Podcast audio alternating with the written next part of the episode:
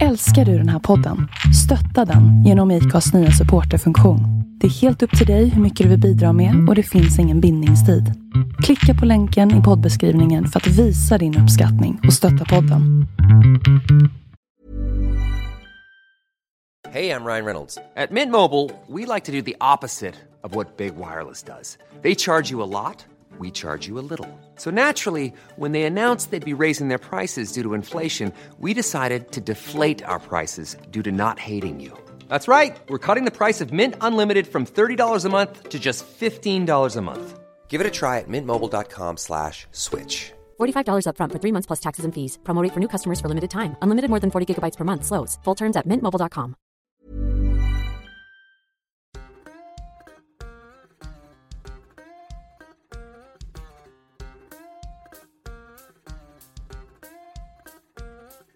Jag har en kompis som heter Stefan. Och Stefan är lite selektiv med vilka kompisar han blir kompis med. Och han har ett IQ-test. Att tycker man inte att Ola Urell är jätterolig, då får man inte bli kompis med Stefan. Eh, Stefan introducerar mig för Ola och sen dess är jag liksom lite fast. Och nu har jag Ola Urell med i hörlurar. Na, hörlurar som han har varit i många gånger tidigare, men då sjungandes. Men nu ska vi prata Ola. Välkommen till Vi måste prata. Vad kul att du ville vara med. Ja, tack ska du ha. Eh, för de som inte har lyssnat på dig, om du skulle berätta för folk vem du är på 30 sekunder, hur låter det? Alltså jag, har, alltså jag ska ha någon sån här rolig grej där. Jag, jag, jag är typ som stand-up fast jag sjunger istället. Ja, eh, jag skulle säga att du är som Thomas Järvheden fast för vuxna. ja, Men det, det är jag det. ja, nej, Eh. jag Thomas är bra. Ja, ja, ja. Är- Jag är bara, tillhör bara en annan målgrupp. Eh, Ja, men jag vet om det är. Jag tror jag blandar målgrupp, men, jag, men alltså jag, jag har inget emot tanken på att, på att det skulle vara eh, sådär lite smartare det jag gör på gott och ont. Då, för man, men, men, men jag vet inte. Jag har rätt mycket korkade låtar också. Ja, fast, fast du gör dem med... Eh, utan, utan att blåsa för mycket varmluft upp i rumpan på det, så gör du dem med en, en slags... Ja, jag vet inte. Det är någonting som tilltalar mig bara. Det är så jävla bra. Ursäkta att jag säger det, men det, Det är alltså... det är härligt, härligt att höra att, att du tycker det. Ja, efter Det- ett tag så hittar man sin roll, så nu odlar jag väldigt mycket den här eh, självbilden också av en sån lite skum kultartist. Eftersom jag inte är en sån framgångsrik artist så måste man ju hitta den, ett sätt, en livslögn som gör att man uthärdar. Hur kommer det sig att du hamnar där då, med en gitarr på en stand-up-scen? Det är inte, det är inte jättevanligt. Eh, nej, det är det ju inte. Jag eh, testade en massa andra grejer innan. Och eh, så råkade jag testa det av ren sådär desperation för att ingenting funkade. Och så funkade det lite bättre tyckte jag än annat. Och då var jag ganska gammal redan så då tyckte jag att fan då kör jag på det här. Så ganska Vad var det du testade innan då? Så var det Ehm, vanlig, Ja, vanlig alltså, stand-up? dels eller? andra grejer i livet sådär med att uh, uh, hade någon tanke på att jag skulle s- s- så här, bli akademiker och undervisa sådana saker och sen så var jag in på teater rätt mycket och skrev grejer och höll på med improvisationsteater och ehm, skrev eh, låttexter till andra eller försökte skriva till min bror när han höll på med musik. Jag, jag gjorde massa sådana grejer och ledde aldrig någon vart. Och sen så testade jag att göra lite larviga låtar själv och eh, då kändes det som att eh, jag connectade med publiken på ett annat sätt. Om man skulle ha en, en låt som definierar dig, alltså vad är, om det är det som du slog igenom, eller så här, vad, vad är, vad är gateway-druggen till, till Ola Aurell? Var ska man börja någonstans? Alltså jag har rätt mycket statistik på vad folk lyssnar på. Mm. Eh, så då kan jag dig en lista på de som är, har mest antal spelningar. Får jag gissa? Ja, du kan gissa. Jag kan tänka mig att Knarkaren, eh, om du fattar vad jag menar, och Landet är med där uppe någonstans va? Eh, de ligger alla på någon slags fem i topp. Den som har spelats Ja. flest gånger är Man kan göra många saker med en katt och den som har flest liksom, lyssningar per vecka sådär just de senaste åren är väl elevhälsan tror jag. Mm. Så ungefär så ser det ut. Eh, det behöver ju inte betyda att det är det som de mest hängivna lyssnarna gillar. Jag tror man kan göra många saker, men Katt är väl lite, det uppfattas som den lite breda låten, för, som även barn förstår och sådär. Och konnässörerna kanske skulle känna att det är inte eh, kanske en låt som Knarkaren eller något sånt är lite mer genomtänkt, tycker de då kanske. Mm. Det- Da, det- danska fogden eh, tror jag också många tycker om. Va?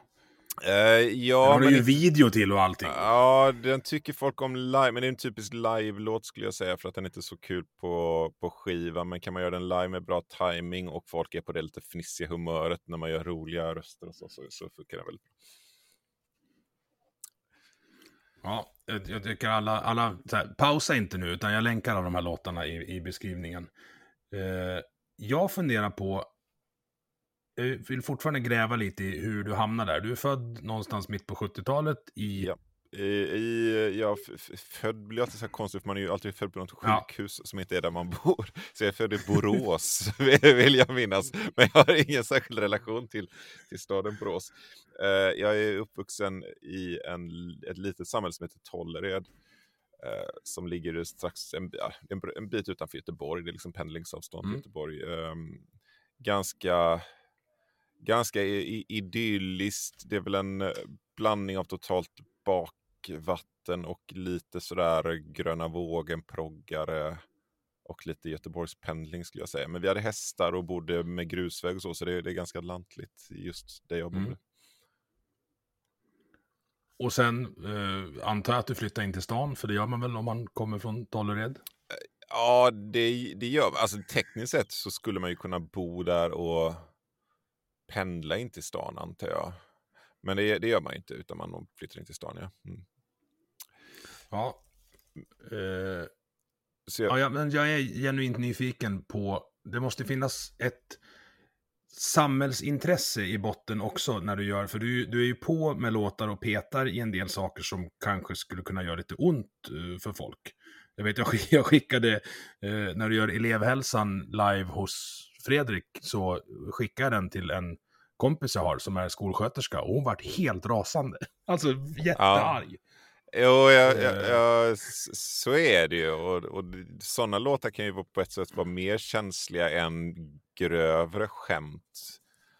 Eh, p- ja. Ja, men jag tror att man blir, jag tror att det är många som blir, vad ska jag säga, proxykränkta där också. ja, men jag För jag tror har ju det. ADHD så in i helvete och jag tycker att det är så här, bra, driv med mig, för det, be, det behöver jag. Ja, jo, alltså jag, det, det, det, någonstans så bottnar den väl i någon känsla av att jag har, har alla diagnoser. Eller det där att man lite grann identifierar sig med alla diagnoser utan att riktigt ha dem och sådär. Så Mm. det är ju, mm, jag- känner ju också mig väldigt dampig och väldigt aspig och alla de andra grejerna i låten. Det är inget, inte så. Ehm, det är hur man förhåller sig till skämt och vissa saker är så upptrampade som skämt att, att man inte tänker på att det är konstigt. Och eh, andra saker tycker man att men herregud vad är det du säger? Och det, det är ganska godtyckligt någonstans. Det är helt accepterat att man läser deckare som är fulla av massa ja, men sadistiska mord och övergrepp. Och det är en jättekonstig slags pornografi men det finns ingen som eh, någonsin reagerar mot att det skulle vara konstigt att vuxna människor sitter och, och konsumerar våldsporr. Liksom, för att det är, en, det är en helt accepterad form av njutning. Eh, men om du skojar om saker där vi inte är vana att man skojar eller, eller där man tänker sig att det här skulle vara fel, då, då kan man sitta och märka ord. Och, och det, jag tycker det är, det är väldigt godtyckligt någonstans. Det är väldigt accepterat just nu skulle jag säga att skoja om pedofili för det mesta. Trots att det är jättegrovt och det finns massor av människor som utsätts för övergrepp. Men alla fattar på något sätt, att det här är, det här är bara hårda skämt liksom. Det finns ju undantag med Mr Cool och sådär. Men inom branschen är det i alla fall väldigt accepterat att skoja om pedofili. Medan eh, skoja om, eh, jag vet inte, vissa ordval eller, eller liksom rasism på fel sätt. Då är det plötsligt, nej det, det, här kan inte vara, det här kan man inte skoja om, det här är inte ett gott ord. Och det finns inga, det finns inga rationellt sammanhängande regler för det där. Och folk är ju inte överens heller. Och, och, och, Nej men måste man vara det då? Alltså skulle det inte finnas olika, alla vill ju inte äta korv och potatis varje dag heller. Man måste ju kunna få variera och, äta, och alltså konsumera den kultur man själv tycker om. Ja men så, så tänker jag också och jag har väl börjat också man kan, kanske nästan slår över åt andra hållet, att jag är helt likgiltig från folk blir arga på ett plan. Alltså jag tycker det är obehagligt, jag vill ju inte stå och försöka underhålla folk på en fest och så blir de ledsna, det är ju jobbigt och det vill jag inte. Men eh, eftersom jag vet att folk kan bli jättearga av nästan vad som helst och också tycker att nästan vad som helst är väldigt roligt, så orkar jag inte ta ansvar för det. Jag bara, jag, jag tänker, jag lägger ut grejerna där och så får folk tycka vad de vill och gillar de inte får de låta bli att lyssna. Um, för, för, jag vet inte riktigt vad jag ska göra annars. Många av de här som elevhälsan, eller för, min, för den delen kattlåten är också som, det, det är de låtarna som flest tycker illa om.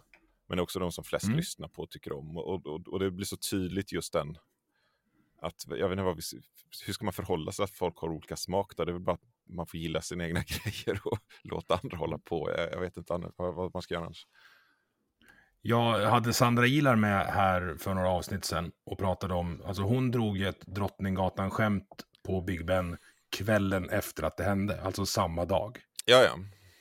Och jag tror att det är väl, rätta mig om jag har fel, men är inte det komikers förbannade uppgift att liksom vara in och peta lite där det gör ont för att att skratta åt skiten kan vara bland de enda sätten man har att orka med i en värld som är full av ondska och skit. Ja, men så är det ju. Alltså humors funktion är ju på ett sätt samma funktion som, som tragedi eller, eller så fast med andra medel. Att man, man behöver liksom man behöver hantera de jobbiga grejerna. All, alla skämt handlar om jobbiga grejer. Sen så glömmer man bort att det är jobbigt med impotens. att det är ett lidande och så tycker man att det är fnissigt. Men, men, äh, du säger jag skrattar vad du sa det. Liksom. Ja, men det, vi har bara lärt oss att man kan skratta åt impotens, men man kan då kanske inte skratta åt ADHD. Men det är klart att det är lika jobbigt att vara impotent. Liksom. Det, det, det, men, men, det finns ju någonting förstås med det där med att skratta åt väldigt grova grejer. Att man vill inte alltid ha den, eh, vad ska man säga, andas ut, skratta bort, gå vidare. Man, inte, man inte, känner sig inte redo för det. Och det, det, kan man ju också fatta att någon tycker att visst, jag skulle kunna stå här på mitt barns begravning och någon får mig att skratta och så är det ett sätt att hantera sorgen. Men man kan också känna att nej, men jag är inte där ännu. Det, det, ja, det funkar inte för mig här. Det, jag vill ha det här allvaret nu, för det, för det måste få finnas. Och då kan man ju bli provocerad om andra, om andra står och skrattar åt det samtidigt. Och, och jag kan ha någon mm. förståelse för det. Det, det. det, är bara att olika har så, människor har så olika förhållningssätt där. Och som komiker blir man helt dum i huvudet så att man skrattar ju åt allt till slut. Och alltså vi hade ju någon eh, komikerkollega som, som dog för några år sedan och istället för att träffas och sörja så träffades folk och hade en roast av honom och drog massa grova skämt om hur blek och, och så här kass komikern var. Och, sånt. och det är ju liksom det, är ju, det, är ju det kärleksförhållandet eh, som man kan ha. Och det funkar ju inte för alla. Eh, och det är väl bara ett exempel på att människor inte är, människor är inte likadana och de måste liksom kunna leva i samma värld ändå. Mm. Där tror jag att Sverige kanske är det sämsta landet att vara en sån komiker i. För här, här vi, har, vi, har fort, vi sitter fortfarande och har den här konversationen i juni 2022. Liksom, att kan man skämta om allt? Ja, men det är klart man, man måste göra det. Ja. Uh, och jag tänker, alltså, ni, ni, är ju några som liksom går, går före där. Alltså det är du, Fredrik Andersson, eh, Sandra. Eh, ja, jag, jag, tänker väl att ni, ni kanske står längst fram. Aron Flam i, i viss eh, mån, medan han fortfarande var komiker och inte politisk aktivist. ja, ja. Jag tycker att han, eh, han är rolig där med. Men har, har någon försökt, alltså så aktivt utsätta dig för det som kallas cancel culture, alltså försökt att få dig avbokad, som uh, Anton Magnusson, Mr Cool och de här fick efter, efter Knulla Barn låten. Har du varit med om det? Uh, nej, inte, inte vad jag vet. Alltså, jag kan tänka mig att Alltså, om jag ska vara ärlig, man vill gärna ha den här självbilden av att folk bryr sig och vill stoppa en. Men jag tror, jag tror det är för få som överhuvudtaget vet vem jag är för att någon ska kunna dreva. Eh, så det är nog farligare om man, om man är Alexander Bard än om man är Ola Aurell.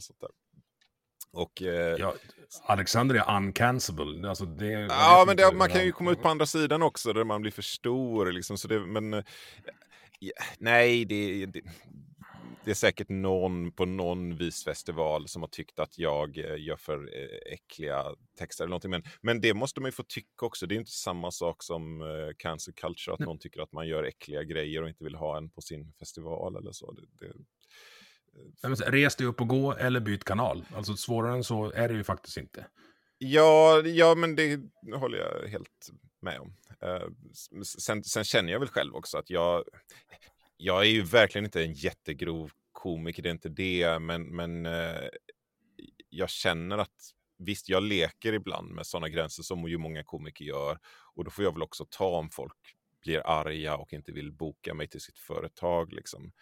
Eh, det är väl när man när man börjar ställa sig upp och kräva att alla andra ska avboka en viss komiker också som det blir problematiskt att man sätter sig över andras smak och åsikter.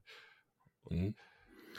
Det känns som att det kommer någon slags backlash på det där. I, i Storbritannien har de det här konceptet Comedy Unleashed som de, som de kör nu. Där de, alltså de, jag ska inte säga triggervarnar, men det är konceptet att här inne är det everything goes. Alltså det är, det kan bli vad som helst här inne.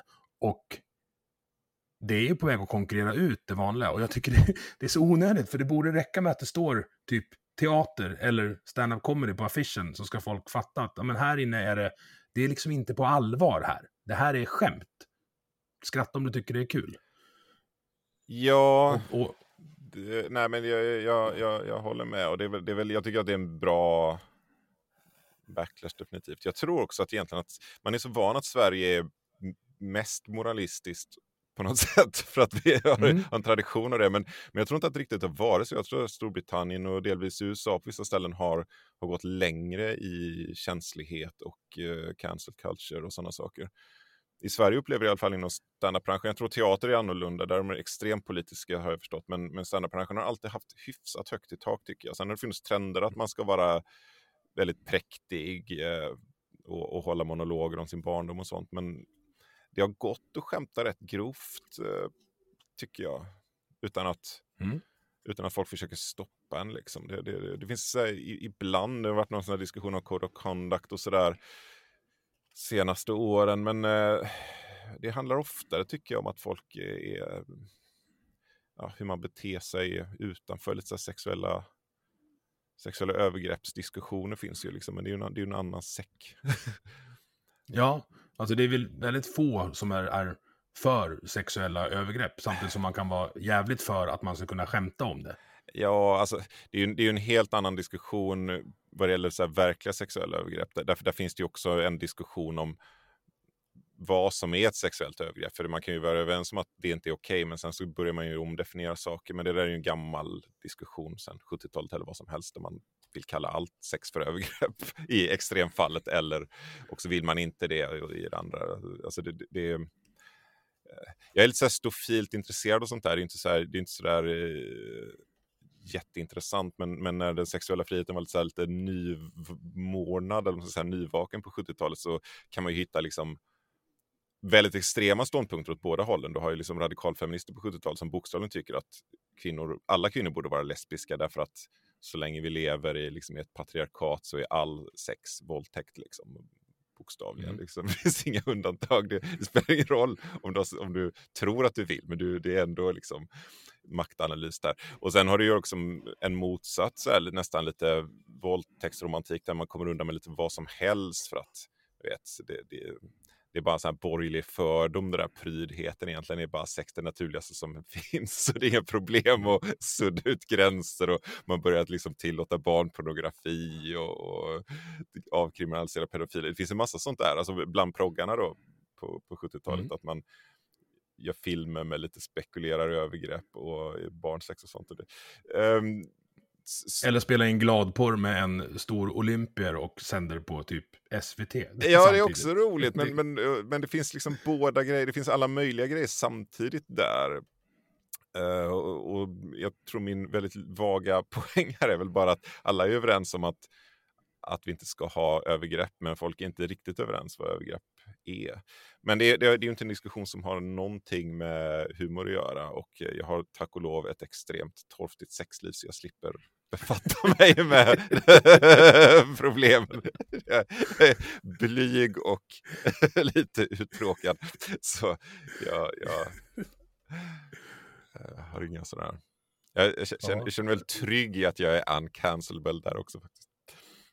I, i sexlivet? Alltså man kan inte, det, man kan inte, jag menar, kan inte gå mer än minus. Eller man kan inte få minus från noll. Ja, men det är lurigare om du är någon sån där lite mer eh, ligga runt-komiker. Om du är Nisse Hallberg eller något sånt där, då, då kanske du måste markera att du är på rätt sida i den sexuella diskussionen för du vet att det också finns 30 tjejer som är sura över något samlag för tio år sedan. I publiken den kvällen finns det 30. ja, ja, men det, det, är liksom, det finns en historia där och det är bra att du måste vårda den så att den inte liksom visar sitt neurotiska huvud. Du vet sådär. Uh, nej, det, det har inte med honom att göra, men jag tänker att många snygga balla män har ju ett större behov av att vara på rätt sida. Jag kan bara skita i det. Uh, ja, jag vet inte vad jag pratar nu, om längre. Va, va, nej, men det, var, det, det, här är ju jätteroligt. Det där kändes som en, en så premiss till ett och nu är jag singelskämt. Liksom. Ja, ja, nej, ja, ja. ja.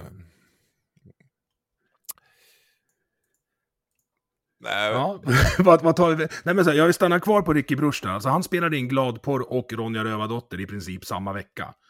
Det skulle ju ingen klara av att göra nu. Nej, alltså jag, jag grubblar mycket över det. Det har ju varit en intressant, så, så, länge jag, alltså under hela min uppväxt så var det ju liksom en premiss att det skulle bli liksom mer och mer, allt skulle bli grövre och mer tolererat. Och på något sätt de senaste tio åren så har det ju skett någon lite vändning där när det gäller många saker. Att ungdomar plötsligt vill vara med, ha mer sexualmoral och hårdare regler på många sätt. Men, men det, är, det är också väldigt motsägelsefullt, tror jag man får ha klart för sig. Att, att vi, jag tror vår, vår syn på porr är på många sätt mycket friare än vad den någonsin har varit tidigare. Så att även om det var liksom lite coolt i så kulturkretsar att gå på strippklubb under några år på 70-talet, sådana saker, så, så upplever jag att folk har en väldigt avslappnad inställning till sånt som eh, vilken porr kollar du på eller någon mm. så här, har ett lättklätt Instagramkonto, sådana saker som jag tror var extremt mycket mer moral kring i praktiken om man går tillbaka till 70-80-talet. Eh, men, men det, jag vet inte. Frågan är om det är bra, bra eller dåligt. Jag läste någon, någon artikel här, om det var någon podd jag lyssnade på, att typ 20-åriga killar idag har sett mer 10-poängsbrudar ja. än vad folk gjorde på hela sitt jävla liv för 30 år sedan.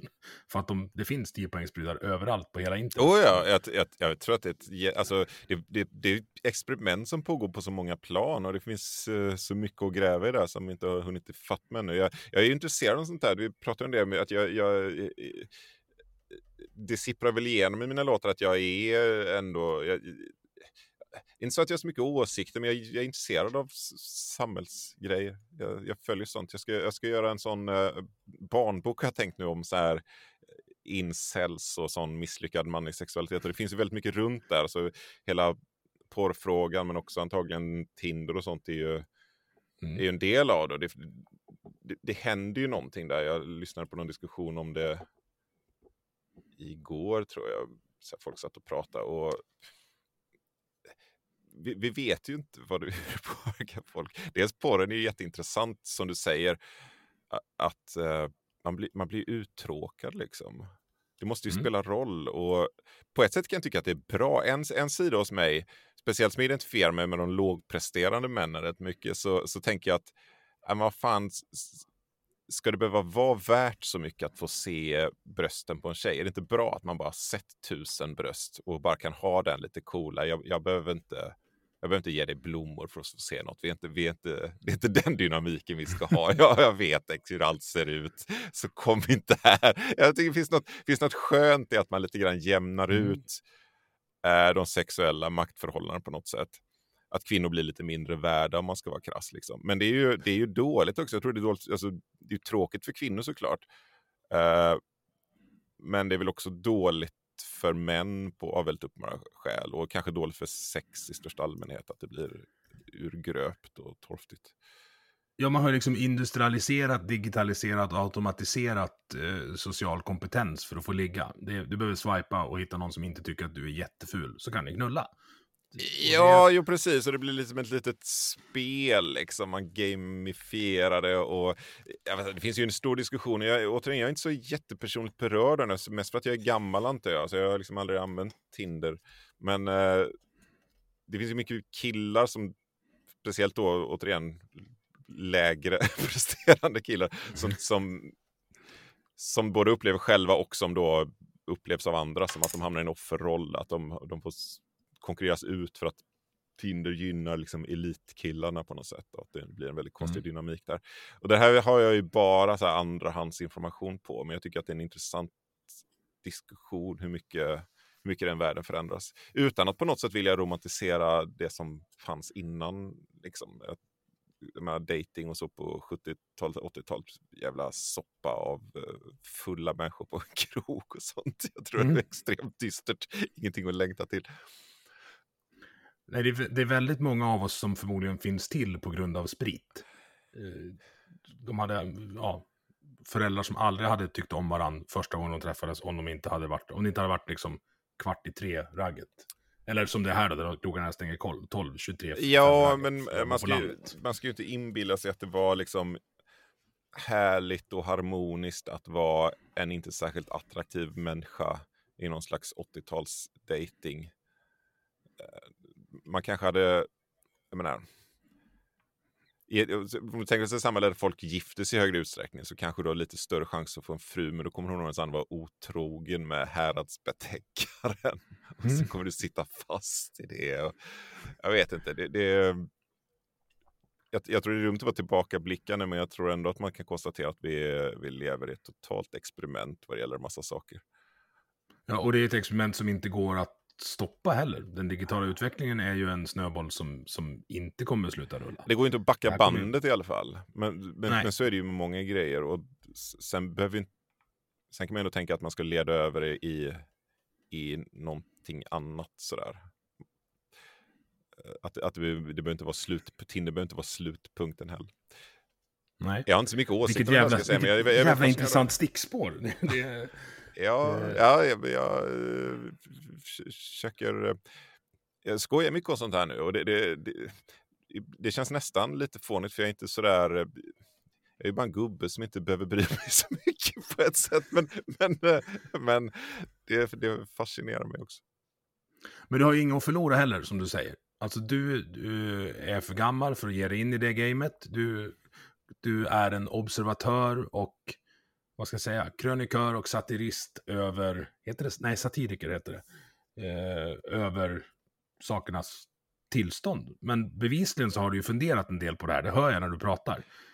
Eh, eh. ja, men det, det, det har jag. Eh, det, det, jag tyckte sånt där, dels för att jag är lite så här aspigt lagd, men också för att jag inte är så charmig och snygg. Så att jag tyckte verkligen att det var svårt när jag var ung och dels bara förstå hur det fungerade, liksom, att jag fick verkligen tänka igenom, försöka förstå alla spelregler. Och sen tyckte jag det var mm. svårt mm. också. Så, att, så att jag, jag har någon slags um, trauma med mig eller, eller något sånt. Jag har, jag har rätt mm. mycket låtar som är så incel-låtar innan ordet fanns, om man kollar på min katalog.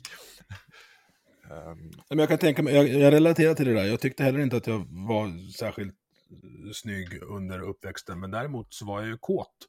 Eh, så man, man fick ju lära sig hur man skulle hacka systemet så att säga. Jag gjorde det med humor och självdistans och rapp i käften. Och det var ju vissa tjejer som tyckte om det. Ja, jo, jo precis. Jag, jag, alltså jag, har, jag har ju också haft en, en, en lite blandad syn där jag faktiskt har ibland tyckt att hela, hela det sexuella systemet är så värdelöst att jag inte vill blanda mig med det. Uh, så jag, jag, är lite mer kluven där också någonstans. Uh, på liksom, är det här något som jag ens vill, vill ge mig in i? Vilket, Men, jag, vilket jag också har jag insett, det har ju kommit liksom ord för det också. Män som går sin egen väg, rörelse vet jag finns och sånt det är ingenting som jag har järnkoll på, men det, sånt, det fascinerar mig för att det, det har liksom skapats eh, rörelser kring, kring sånt som jag bara kände när jag var i den åldern. Mm. Och det är ju en av fördelen med, med alltså internet. Det är ju att hur uh, smal din preferenskorridor än är, så nog fan finns det någon på Flashback som tycker lika som dig och så kan ni börja prata och så dyker det upp, eller på Reddit eller Ja, eller exakt. Och det, det, en del skulle beskriva det som en av nackdelarna med internet också, att det blir en grogrund för Ja. konspirationer och sånt. För att tidigare har de där Ja, människorna inte- filterbubblor och hela... Ja, men tidigare har de inte kunnat hitta varann. Jag, jag, jag tror väl i och för sig att det har funnits rejäla filterbubblor förut också med så här religiösa sekter i Småland och sånt. Men, men det krävs en annan organisation. Det behöver liksom vara en folkrörelse innan du kan sitta och odla din konspirationsteori och eh, det är lite lättare att eh, ha överblick och reglera det. Alltså jag misstänkte att vi skulle hamna här. Det är någonting med att prata med komiker som ni funderar extremt mycket på samtiden och gör det med ofiltrerat, skulle jag säga. Med öppna ögon. Och jag antar att det är en del av processen med att skriva nytt eller om det är en, ett personlighetsdrag som gör att man hamnar på en scen. Men någonstans finns den här, äh, om vi ska återknyta till det vi pratade om i början, att man behöver komik för att må bra, eller man behöver garva åt saker för att må bra. Alltså ni har ju någon slags hovnars, eh, kejsaren är naken-uppgift som måste finnas. Alltså jag, vill säga, jag vill nästan gå till, så här, ni, är, ni är nutidens schamaner som bara vågar gå in i det onda och tar ut lite kompassriktning åt oss andra för hur vi ska hantera det. Alltså jag älskar det här samtalet hittills, som första halvtimmen. Bara så, bara så du vet, jag är så jävla glad just nu. Ja, ja nej, men det, är, det är bra. Jag, jag tror man ska vara försiktig med att tänka att alla komiker har eh, samma roll någonstans. Jag, jag vet att jag hade någon sån diskussion, jag kommer inte ihåg ens vad det var på någon sån här komikerforum på, på Facebook, att eh, jag vet inte ens om det handlar om sån sparka uppåt, sparka neråt eller vad det än var, men, men folk, komiker har väldigt olika både syn på det de gör och också olika uppgift någonstans. Och, och det finns liksom ingen poäng med att säga att komikers uppgift är alltid att underhålla eller komikers uppgift är alltid att ta ställning för de svaga. Eller sånt där. Komiker har väldigt olika roller. Många vill få folk att garva på en firmafest och är väldigt kalibrerade mot det. Och, och många har någon slags eh, idé om något budskap. Många eh, har någon slags egen terapi som de bedriver. Och jag vet inte, jag, jag, jag tror inte man behöver bunta ihop vad, Nej, men jag, jag förstår vad du säger. Det är skillnad på dig och Johan Glans. Det är helt uppenbart. Ja, men det finns många fler skillnader. Jag tror Johan Glans, han är säkert också väldigt samhällsintresserad. Jag tror att han, eh, han odlar sitt konstnärskap som ska vara mysigt och familjärt. Mm. Eh, och han, han vill nog gärna vara både smart och kommenterad inom det, men det sätter upp andra ramar. Jag och andra sen Ole, jag är ju inte sådär... Eh, jag försöker inte leva upp till det, alla de pretentiösa grejerna du sa. Jag, jag odlar ju väldigt mycket än bara haha, nu sa jag bajs i en sång. Det finns ju mycket av det jävla tramset. Att nästan liksom, det är inte det som är Tourettes, men det där är lite Tourettes-artade. men Du får inte säga det här. Ja, men om jag, jag, jag, jag, jag kanske ska säga det ändå. Liksom. Mm. Och att det bara är lite roligt att eh, man gör en väldigt allvarlig sång om eh, att, eh, att man inte har byxor på sig. Och- det är ju inte, det, jag kan ju inte liksom låtsas, ja det är min roll som eh, Loke i det här, den här asaläraren. Nej, det, det är, jag vet inte. Nej, okej. Jag, jag, jag köper precis vad du säger. Jag kanske blåste upp dig lite för stort. Eller er. Nej, men jag för förstår också där. vad du menar. Jag tror, jag, nu svamlar jag lite, men jag, jag, Det får man. Jag tror olika komiker har lite olika roller och det är inte säkert att de fyller samma eh, funktion eh, alltid. Men, men jag, tycker att, jag tycker däremot så tycker jag att det är en bra funktion. Jag tror att den narrfunktionen eh, är viktig. Och jag tror, jag tror generellt att det är viktigt att kunna ha självdistans och ironi och se saker från flera håll. Och humor har väl när det är som finast en det blir, jag vet, när jag ska vara så här pretentiös och prata om humor så gillar jag den sidan hos humor just att att man ger sig in i någon sån här självmotsägelser. Att det finns så mycket sådana saker att vi pratar om världen som att det vore så här, men vi beter oss som att det vore så här, och, eller att det uppstår olika typer av motsägelser, inkonsekvenser och konstigheter. Och så ger man sig in och bara skriver skämt om det. Och de är inte så där tillrättavisande eller ställningstagande, utan de bara påvisar att det, här är det märkligt och det behöver vi skratta åt. Här finns en absurditet. Och det är någon, det är någon renhållning i det. Alltså både sådär att man släpper ut den här spänningen och den här lite känslan av konstighet som uppstår. Att, eh, att man ska låtsas att någon är hertig för att det står det på ett papper, men han är också liksom en apa som bajsar. Och så kan man skratta ja. åt det. Och det behöver inte vara så att vi måste avskaffa feudalismen, utan det är bara så det här, det här är lite absurt. Uh, och vi behöver liksom fnissa bort det. Men det kan också vara en slags renhållning att om någon upprätthåller väldigt pompösa föreställningar om världen som inte går ihop med varann eller med verkligheten så kan hu humorn bara gå in och rota runt i det. Utan att mm. liksom hålla en föreläsning så kan man bara rota runt och se, nu ska vi titta lite på detta, vi, vi snurrar lite och ser, ser hur det ser ut. Liksom. Just det, just det där har faktiskt hänt mig. När, när jag skulle gå eh, högvakt första gången så sa befälet att så här, bli inte liksom starstruck om kungen kommer gående, för det gör han ibland. Det. Men det svider när han skiter också. Och det var, det var så jävla avväpnande just att du sa apa som bajsar. Eh, det var, ja. Ja, då, men i, ja, folk är människor. Ja, och i, i kungens fall. fall. så blir det så tydligt också att vi, vi, han ska kallas hans majestät och ha någon sån här särskild roll i, i vår konstitution. Men han är samtidigt en, en ganska så här, uppenbart för alla en ganska medioker person och det är inte uppenbart vad han fyller för funktion. Det finns en massa konstigheter i det. Och det behöver inte vara så där, nu ska vi, man kan ju sätta sig ner och diskutera i monarkin bra, men humorn är så bra på att fånga att det, att det är bara lite knäppt. Att vi måste kunna ja. skratta åt det och att, och att det, det, finns en, det finns något djupare i det också rent så här intellektuellt, att bara vrida och vända på dem på knepigheten i det. Att inte bara försöka reda ut det som någon slags, vad innebär demokrati? Utan mer sådär, mm, kungen när han det hade varit bättre att ha en kung som hade kunnat veta vilken stad han var i, eller är det bra ja. att vi har en kung som är bortkommen? Jag vet inte, det, det, det är roligt. Hörde du vad han gjorde igår? Nej, nej.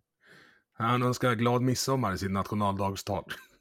Ja, men det är klassiskt kungen. Liksom. Jätteroligt är det. det är... Ja, det, det, är fint. Och då blir det också sån här upprepningshumor och att man, eh, man kan tänka på om han gör det med flit för att vet, han vet vad publiken vill ha.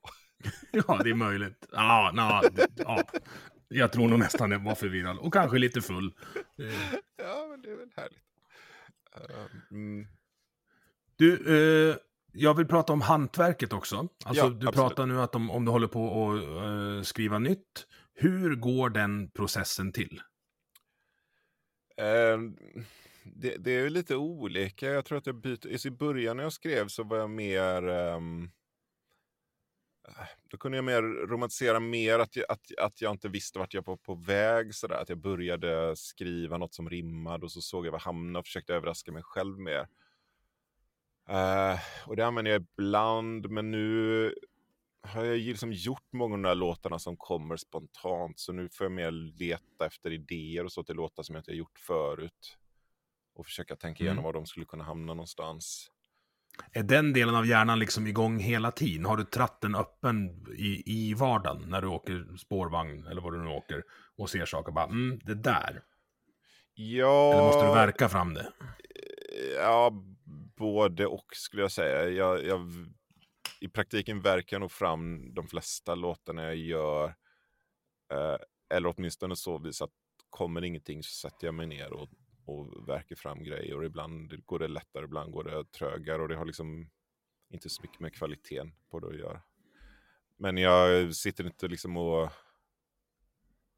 bara överväldigas och nu kom det en låt. Utan jag, jag, jag tror jag gillar också tanken på att att man skriver igenom saker och funderar över olika alternativ och sådär. Sen har jag en viss romantik kring att nu råkade det bli så här eller nu råkade jag få det, nu var det det här ordet som kom, nu får det väl vara det då liksom.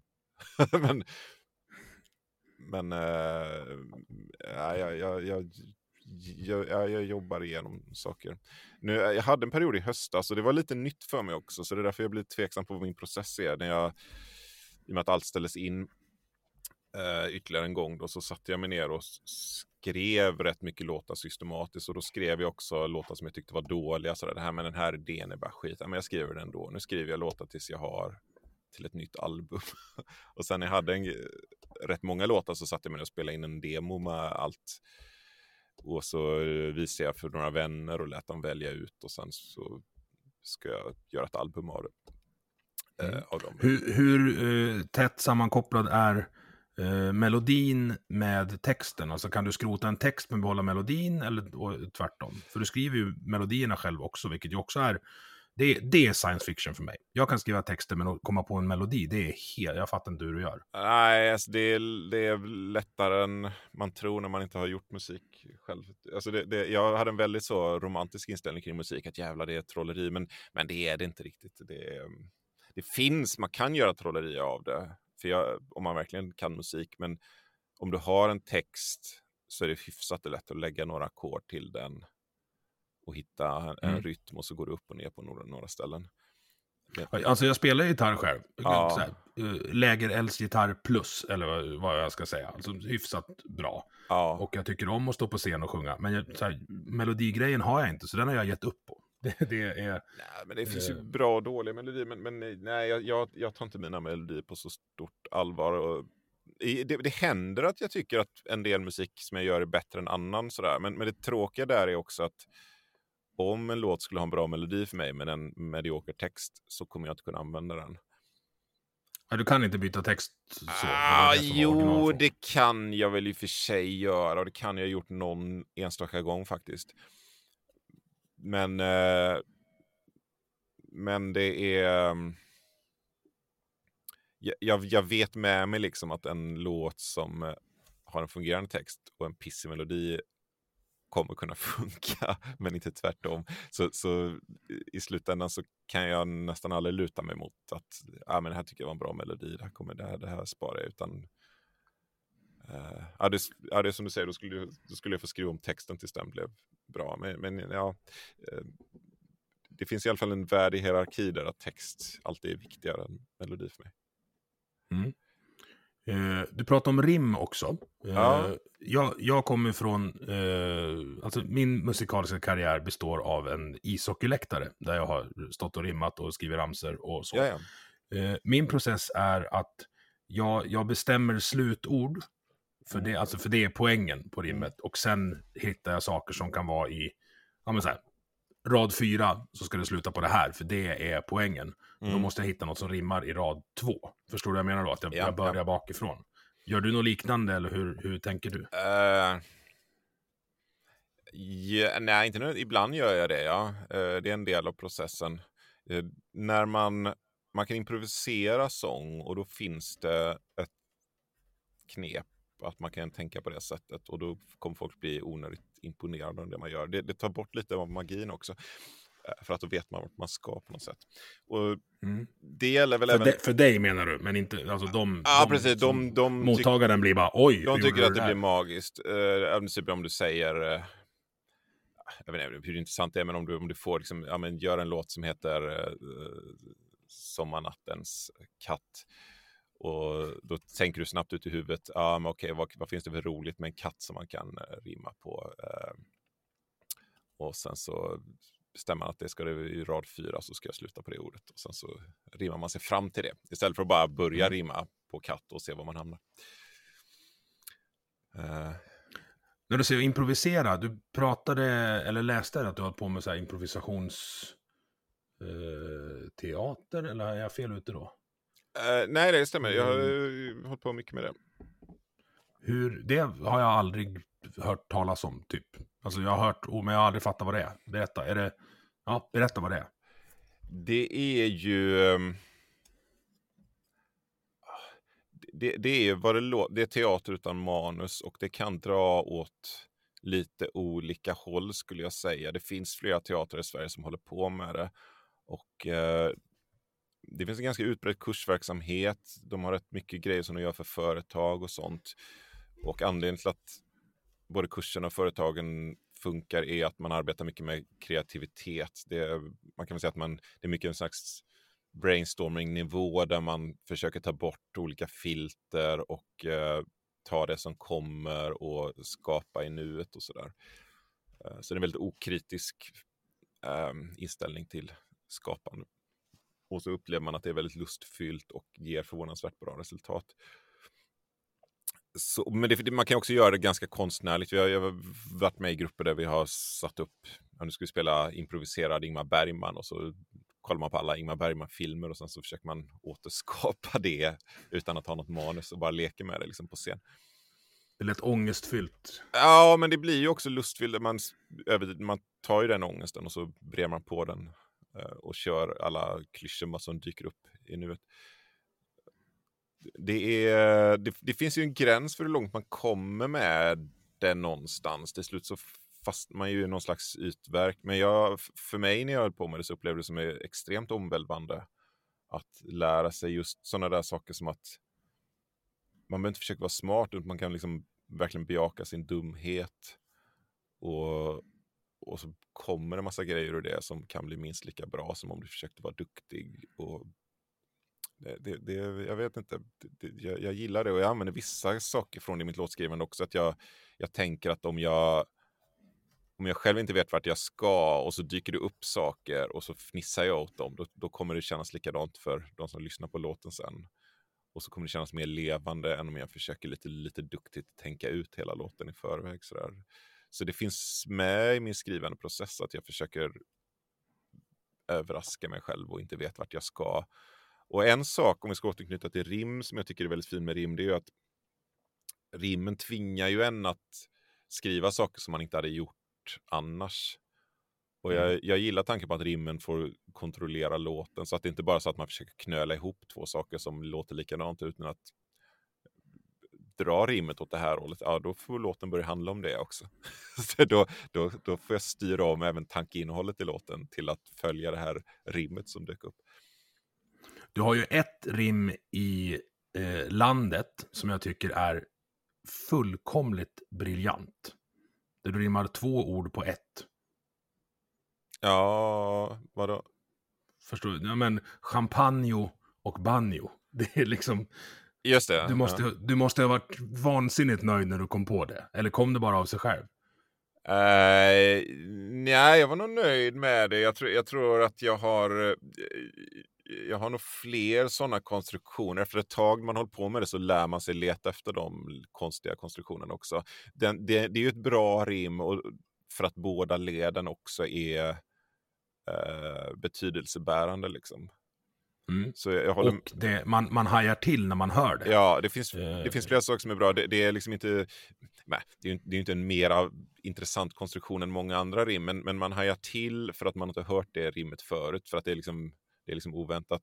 Men det är också så att både det här att Pommac och champagne och att barnen spelar banjo är båda väldigt mycket peka ut en bild av vad som pågår i landet. Liksom. Mm.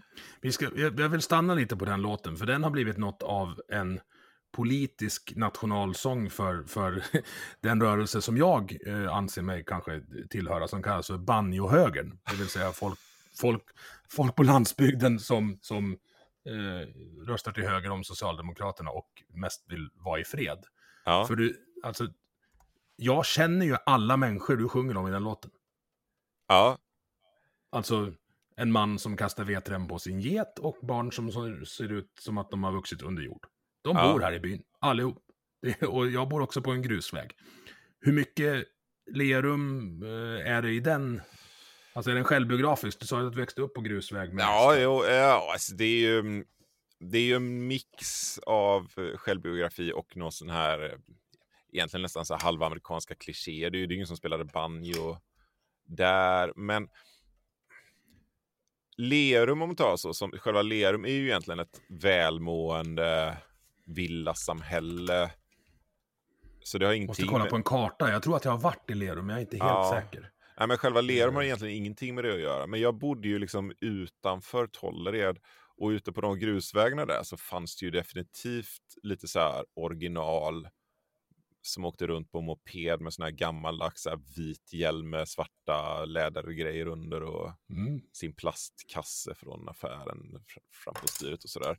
Så känslan att man åker, bara fortsätter åka på någon sån här grusväg som blir sån här traktorväg i skogen och där bor det någon skum person eh, som inte har städat bort grejerna från tomten och sådär. Det är ju väldigt levande i min uppväxt. Men det är ju inte, det är inte, det är inte, en, det är inte jag har inte målat av någonting mer än så tror jag. Ja, ja, jo, men, ja, jo, lite att det växer granar i hagarna, men de mest drastiska grejerna är inte så. jag har inte haft en naken granne liksom.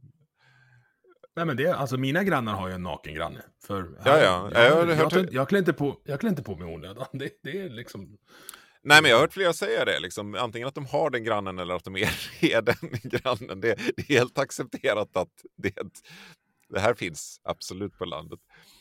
Ja, Men det är en fördel med att bo på Eller så här, Ja. jag tycker att det är en fördel. Alltså jag bor så att jag kan gå ut och hänga tvätt i princip iförd bara träskor på min gård. Och det är ingen som bryr sig. Och det tycker jag är bra.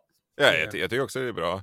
Men jag tycker, men jag tycker det är kul att du säger liksom att det är som en nationalsång för någon slags banjohög. Jag tror att många av dem som, om jag spelar den här låten i, i, i Stockholm för några, så skulle de tycka det är precis tvärtom. att Oj, vad du driver med de där människorna. Men det här kan du inte spela utanför Stockholm. Och, ja, jo, det kan jag visst göra, säger jag då. Alltså, så här. Jag ska boka dig till, till Leksand på någon uteservering så ska, vi, ska du få höra på allsång. Det lovar jag dig. Jo, jo. Och, Det det, eh, och det, det är samma sak med andra låtar. Som, eh, jag har en låt om Hammarbyare som, som folk tänker, ja, Ja, den är helt fantastisk. Ja, Alltså, men det- den är också sådär, den skulle du inte våga spela på Söder. Jo, men det är där de tycker den är roligast. liksom, det är så det funkar. Och det är inte alltid det funkar så, men, eh, men elevhälsan, det är många med diagnoser tycker att det är en kul låt för att de känner igen sig. Liksom. Mm. Ja, och klon på, på Hammarby, jag hade faktiskt glömt det, jag har inte hört på den på jättelänge. Eh, men det är ju just att de, de blev Hammarbyare för att de har dålig smak när det gäller inredning, typ. Alltså det är en sån, det är sån jävla absurd premiss. Så jag vill, jag vill, kan du gå in i detalj på hur i hela friden du kom på att du skulle skriva den? Den har en rolig sådär eh, tillkomsthistoria på det sättet att eh, jag ville skriva en låt om Hammarby för att jag har en kompis med Hammarby. Och han, jag jag vet att jag skulle komfa på någon festival där han skulle vara med. Så tänkte det vore kul om jag sjunger en låt där jag gör ner Hammarbyare. Liksom. För jag hade också, det var också så här, jag har ingen låt om fotboll. Det vore kul att ha en sån. Och då börjar jag med den här och det finns ju en ganska självklar premiss. Jag, jag, ofta har jag ganska självklara så här, klyschiga ingångar i låtar för, för, för att jag jobbar så. Och eh, det finns ju något med Hammarbyar, de är, de är bohemerna, de är lite slafsiga, de är lite knarkare. Liksom. Så då, då, och så hade jag också någon sån... Eh, någon som faktiskt hade hört någon pappa säga till sitt barn att man får inte bli arg på Hammarbyar för de knarkar och sådär. och det är väldigt roligt. Så det, så, så det hade någonstans sådär, åh, det, det jag bara tänkte att jag skulle skildra Hammarbyare som, ah, men du vet, de har knarkande farsor och du vet, deras mamma var horor och, och låg, och det är en grov låt sådär. Uh, och så började jag skriva det, sen fastnade jag i den låten och det tog ganska lång tid innan det lossnade för mig och fattade hur den skulle sluta. Och så insåg jag att nej, men skämtet här är inte att Hammarbyare har en vidrig uppväxt. Skämtet här är att den som sjunger låten har en extremt så, medelklassig intolerans och klappar annorlunda människor på huvudet liksom. Och solar sig i sin egen liksom. Nej men de kan faktiskt inte hjälpa att de har mördat någon med kniv här. För att du vet, de har inte alls så fina möbler som jag. Kolla, kolla här hur jag bor. Om de bodde så här, de skulle aldrig kissa på en dörr. Aldrig. Kolla, kolla på min spis. Och att, det finns, att, att man skojar om det på något sätt. Och det, det, det tror jag egentligen. Jag tror folk fortfarande bara tänker när de hör den att man driver med Hammarbyare. Men, men hela skämtet är ju att den som sjunger den är en total idiot som Mm. leker tolerant liksom. Som tycker att sådär eh, förklaringen till så här, vare sig det är Hammarby eller kriminella gäng, det är, här, men det är väl att de, de har ju inte det här fina livet som jag har. De har ju inte min båt, vet du. Nej, för då, då hade de mått bättre. Ja, då hade... Ja. Man måste förstå det, så man får liksom inte bli arg. Man måste bara förstå hur fint jag bor. Det finns ju något jätteroligt med, med folk som tar sin, vad ska vi kalla det, på engelska heter det vir- virtue signaling, det har ju fel översatts till godhetssignalering, men de som tar sin liksom eh, godhetsfasad på så stort allvar att det slår över åt andra hållet. Och de finns, alltså de, den här människan som du säger finns ju, han som sjunger om Hammarbyare. Ja, Och- precis. Så det är ju på ett sätt, det är, det är en låt, det är klart, det är ju en låt där man driver med Hammarbyare, men det är också en låt där man lite fint driver med, med godhetssignalering eh, eller en viss slags sån här, eh, ja. Jag, jag Politiskt korrekthet, eller ja. Ja, alltså det, det är en viss variant av det. Det, det, det finns ju också en sån äldre variant av det där man eh, så lite släpp fångarna loss, där man lite som någon som gillar Clark Olofsson också. Så det, det, är ju liksom aktuellt i den här serien. Det fanns ju väldigt många på 70-talet som, som gjorde en grej av hur fina de var genom att överhuvudtaget inte vilja straffa rånare utan närmast hylla dem liksom. Och allt handlar om att, Mm. om att de är så fina människor som jag vet inte. Jag, jag bor väldigt bra och man måste förstå att hade Clark bara, du vet, vuxit upp med mina föräldrars bokhylla så här bred var den, då hade han ju aldrig rånat. Ja, det är, det är en förenklad syn på, på folk i, i allmänhet som ger det där. Och då är du där och slår på det. Och det är, jag är jättetacksam över det. Ja, och jag, jag, jag tror också man ska vara försiktig med det där med slå för att det är också... Eller belyser dem, säger Ja, men man, jag, jag, jag, jag blir så flummigt, men man pratar gärna om det som att man sparkar uppåt eller neråt eller man slår på saker, men ofta är det ju väldigt kärleksfullt. Och jag tror att det kan vara det, eller precis som att det kan vara kärleksfullt att sjunga med det på landet. Liksom. Det är klart att det kan handla om att slå på landet, det handlar också någonstans om att bara vrida och vända och, och, och krama det liksom på sitt lite skeva sätt.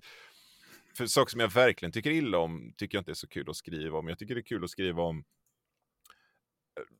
pretentiös medelklass för att jag själv har drag av det. Jag tycker det är kul att skriva om landet för att jag har vuxit upp där. Jag tycker det är kul att skriva om eh, ja, men du vet, saker som jag kan relatera till. Om jag verkligen skulle hata någonting så tycker jag inte att det är så spännande. Vad skrattar du själv åt då? Alltså är du en humorkonsument? Eller är du bara producent? Eh, nej, jag det, det, blir man ju också. B- bra, för, alltså, det, växlar ju över åren. Länge tyckte jag väldigt mycket om sådana här olika tecknade humorserier som fanns. Jag vågar inte säga hur det har utvecklats den genren de senaste åren egentligen, men min under mina mer formbara år så gillade jag väldigt mycket sånt som eh, ja, South Park eller, eller eh, Family Guy. Eller, det har kommit massa senare också, Archer och eh, lite annat sånt där. Mm. Det känns som att det är en, en genre där de har kunnat ta ut svängarna väldigt mycket och blanda högt och lågt och eh, få vara ganska omoraliska. Och, och jag har uppskattat det. Mm. Eh, Så, så det är nästan mer det jag har verkligen älskat än till exempel några specifika ståuppare eller för den delen humormusiker. Men de senaste åren kan jag inte riktigt sätta fingret på vad jag gillar. Jag, jag, jag kan gilla ganska så här drastiska och grova grejer. Jag känner mig lite avtrubbad också. Jag, jag vet inte om det är sådär och för att det är så bra eller för att man bara blir så avtrubbad att jag gillar bara någon som lyckas chocka mig. Jag tänker, tänker på South Park där. Alltså, undra om det hade kunnat eh, komma nu.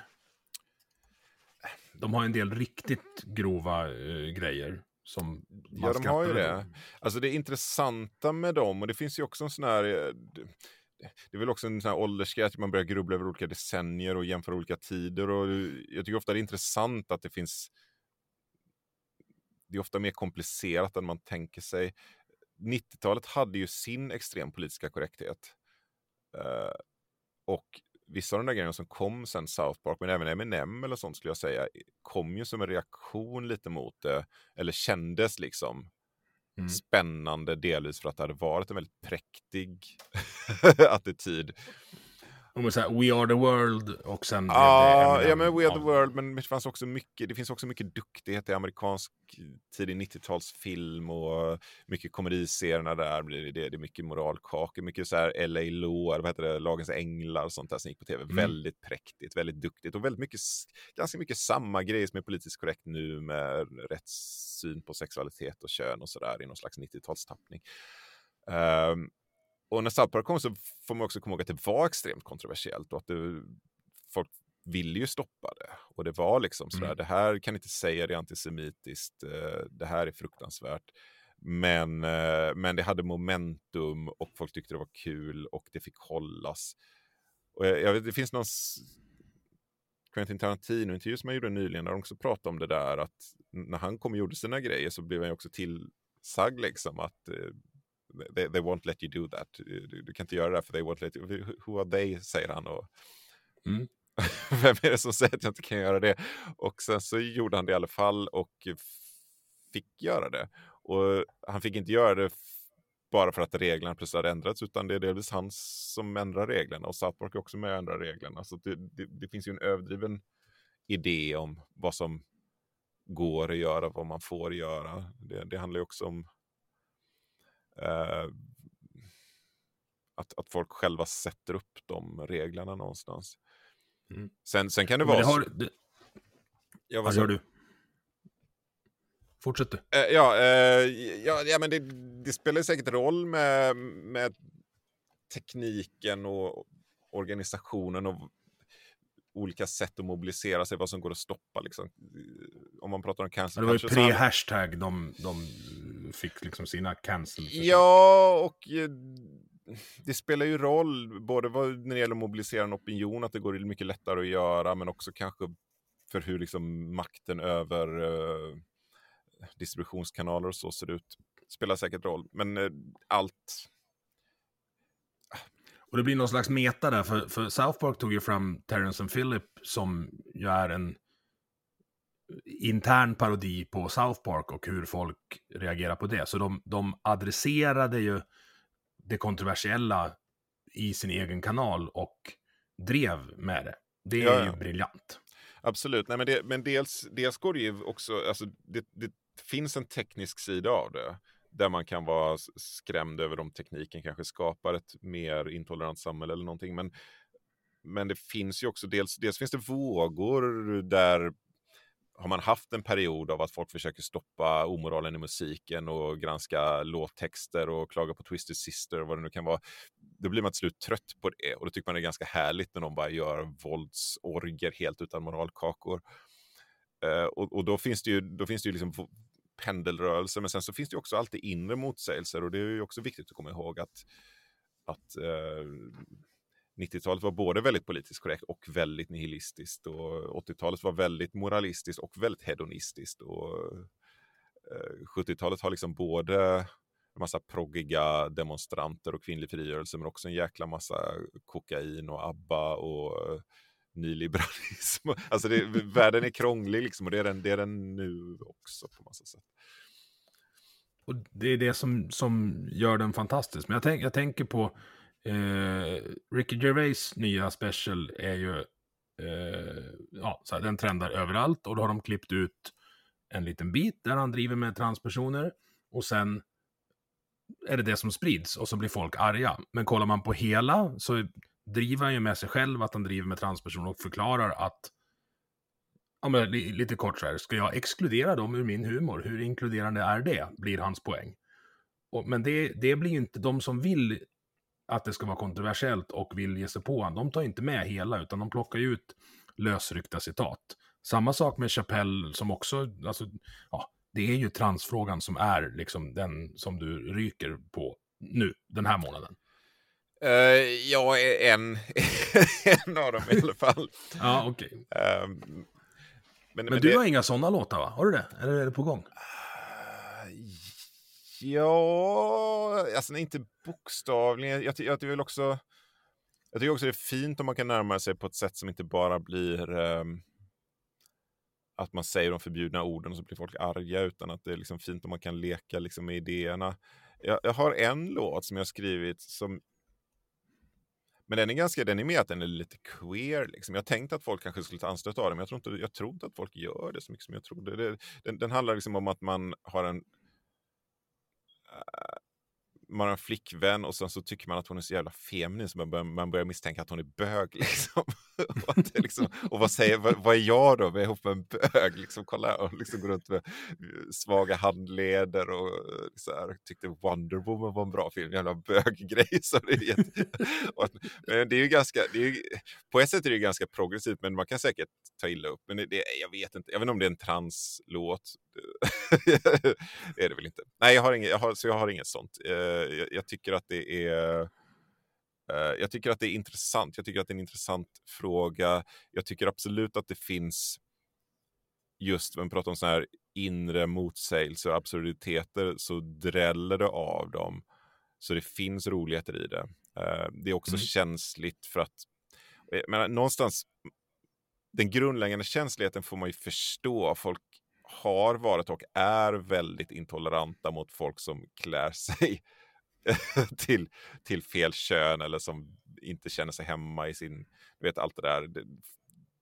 Folk har bokstavligen blivit ihjälslagna, folk har blivit oerhört trakasserade, mm. även, och även ganska långt fram i tiden också. Alltså om man jämför med andra frågor som eh, här, den, den, feministiska politiska korrektheten såg i alla fall i Sverige ut ungefär som den gör nu på typ redan på 70-talet kanske och definitivt på 90-talet. Liksom. Det, det, det, det, är ingen, det är ingen sån radikal förändring, men i transfrågan så, så är det väldigt nytt och folk har varit väldigt avfärdande av mycket. Så det, det, det, det jag, jag, fattar att folk är känsliga, men sen så finns det också en, som det alltid blir, en, en enorm dumhet om man låser fast sig vid dogmer kring saker där man överhuvudtaget inte har kollat efter ordentligt hur verkligheten fungerar. Man bara bestämmer att nu är det så här och ingen får säga emot det. Och det, det, det blir ju liksom... Nej, och ingen får diskutera det. det Nej, man... jag vet. Och man, alldeles för snabbt så slår man fast eh, hur verkligheten fungerar utan att man riktigt vet någonting. Och det, det, jag, vet inte, jag, jag tycker illa om sånt eh, bara för att jag tycker illa om det, för jag tycker det är ett religiöst sätt att förhålla sig till verkligheten. Men, men det skapar ju också en, en så komisk ofrivilligt komisk dynamik. Uh, ja, men, vad det nu är. Det, det, det där lever ju redan sitt eget liv uh, om, om mm. självidentifiering och sånt där. Det, det, är klart att det är tramsigt. ja, och men då, jag, då kan man vara där och, och, peta i det lite. Ja, precis. Men det, och det, tycker jag man ska. Men som sagt, jag, jag, ehm, jag gillar ju när man petar liksom kärleksfullt och jag, det menar jag också. Sen i praktiken kanske jag bara blir ett as när jag försöker göra det. Men jag har liksom, jag har liksom inte intresse av att håna transsexuella, men jag skulle ha ett intresse av att hitta ett sätt att driva med hela situationen. Du, vi har pratat en timme. Eh, jag är jättetacksam över det här. Jag har tagit med, det, det citatet jag tar med mig att jag ska bejaka min dumhet. Det tycker jag är, det ska jag verkligen göra idag. Ja, alltså det, det, finns vi kunde prata mer om det, men jag, men jag är lite ja. trött på att marknadsföra impro. Men, men, det finns ju en anledning till att folk går kurser och älskar det, speciellt ifall man är lite sådär, nu verkar du inte du, du verkar ju, om du är såhär banjo-höger så kanske du är avspänd eller så. Men om man är, så här, ja, men om man är sån lite mer högpresterande, lite aspig medelklassperson som vill vara duktig och skriva rätt på svaren och sånt, så kan improv vara extremt nyttigt bara som terapi för att man lär sig att göra roliga röster och vara dum och, och att oj vad det kommer spännande saker. Nu sa jag helt briljanta grejer bara för att jag försökte vara en idiot. Ja, men släppa loss lite och se var man hamnar helt enkelt. Ja, absolut. Och för mig betyder det jättemycket. Sen behöver det inte vara så för, för alla. Men eh, jag skulle definitivt rekommendera det om man är som jag. Hur eh, kan man ta del av dig? Sociala medier, Ola Aurell, men är det någon turné och kan du åka norrut snälla? Eh, ja, det, ja, ja. Jag, jag har en Kickstarter på gång så, som man jättegärna får känna till. Där jag, ehm, ja, man får massa fina saker, så det är, inte, det är ingen så här välgörenhet. Men man ger pengar till min eh, till min eh, studioalbum som jag håller på med och så får man saker i gengäld. Eh, vad det gäller turné så har jag slumpvisa spelningar i sommar. Jag, jag spelar rätt mycket så här, pri privata, halvprivata grejer nu också. Säkert hälften av mina spelningar är sådär bara kom till min trädgård så får du massa mm. pengar. Mm. och det brukar bli jätteroligt. Mm. Vi ska prata off-air hur mycket det kostar, för jag vill ha det i min trädgård. Absolut. Eh, men man kan gå in på olaurell.se och kolla uh, gig, uh, vart, vart du hamnar. Ja, det kan man. Och uh, följ mig jättegärna på Spotify så får man alla låtar som ges ut. Och så. Ja. Tack så mycket Ola. Jag har skrattat och fått mycket att tänka på. Ja, toppen. Du har lyssnat på Vi måste prata som produceras av mig, Emil Nilsson. Tycker du om det du hörde? Dela avsnittet med dina vänner och på sociala medier. Vill du stötta podden kan du göra det via Patreon där du hittar den på patreon.com snedstreck vi måste prata i ett ord. Eller så swishar du en slant till nummer 123 671 46 79. Vi hörs!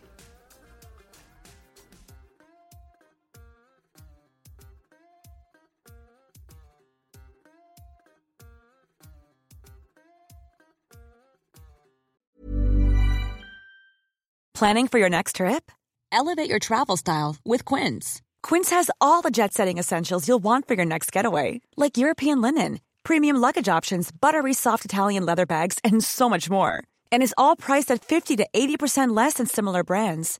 Plus, Quince only works with factories that use safe and ethical manufacturing practices. Pack your bags with high-quality essentials you'll be wearing for vacations to come with Quince. Go to quince.com slash pack for free shipping and 365-day returns.